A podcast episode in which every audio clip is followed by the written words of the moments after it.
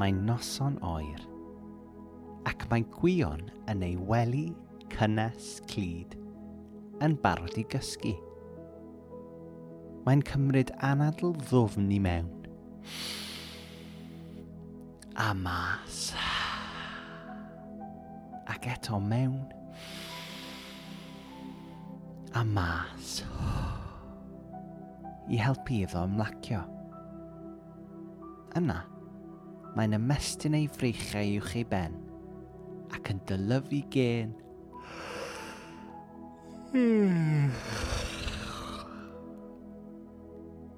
Mae'n neud ei hunan yn gyfforddus, yn cael ei lygaid ac yn ara deg.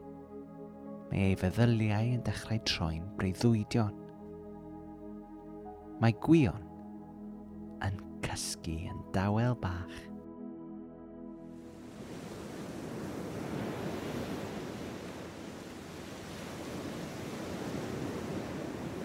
mae'n breuddwydio am y traeth, a'r môr, a'r awel ysgafn yn chwythu ar noson dawel cynnes.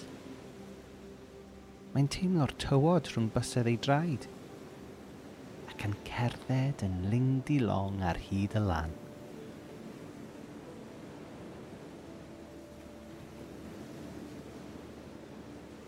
Yn sydyn, Mae sŵn chwythu yn cychwyn. Sŵn rhyfedd. Dydy gwion ddim yn siŵr o ble mae'r sŵn yn dod. Mae'n edrych o'i gwmpas, yn trio dilyn cyfeiriad y sŵn gyda'i lygaid. Y môr! Mae'r sŵn yn dod o'r môr.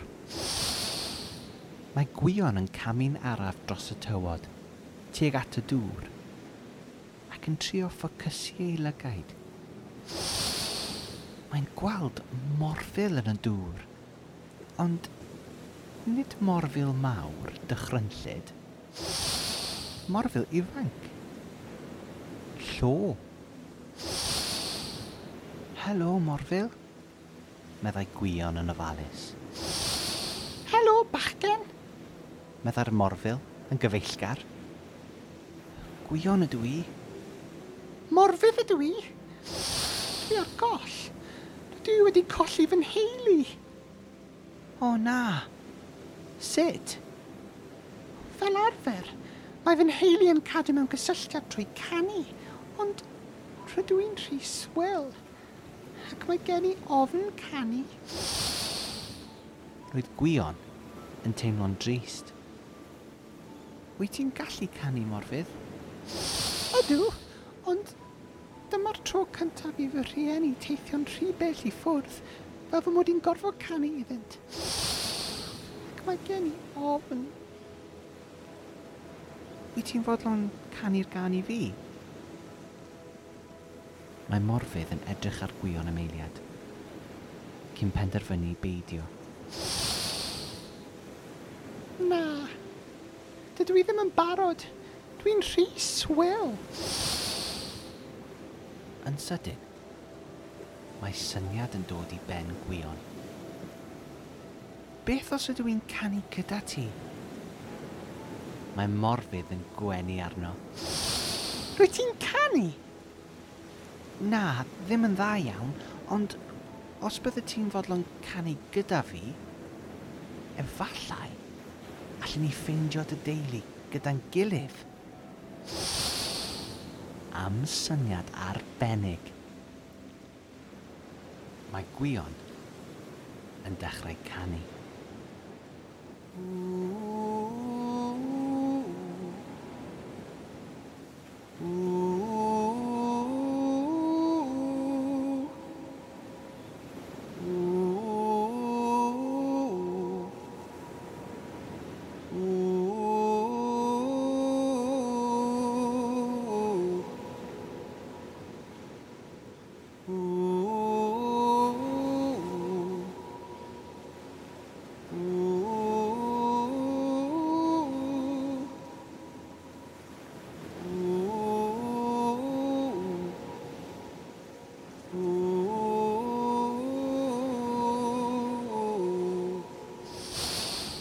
Mae hynny'n bert dros ben.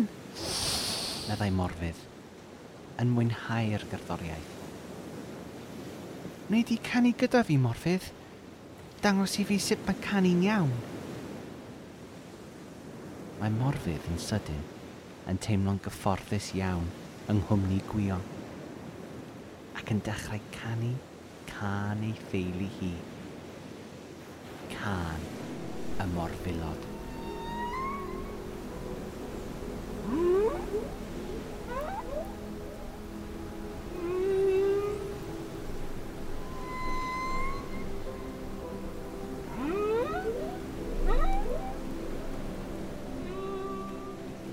Nid yw gwion wedi clywed sain tebyg yn ei fywyd. Mae'n gwrando'n astyd ac yn mwynhau'r dôn arbennig.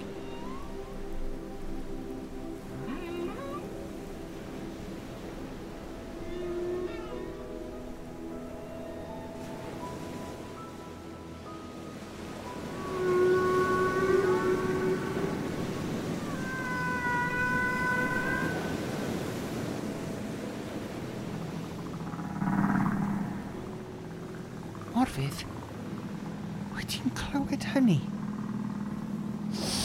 Mae sŵn y morfilod yn dod yn agosach, ac mae morfydd yn teimlo gymaint o hapusrwydd ar ryddhad. Mae'n chwethu air mas yn gyffroes. Diolch, Gwion! Diolch am helpu i fi ffeindio fy nheulu, ac am helpu fi i fod yn ddewr. Croeso meddai Gwion. Hwyl! Mae Morfydd yn nofio i ffwrdd i ymuno gyda'i theulu.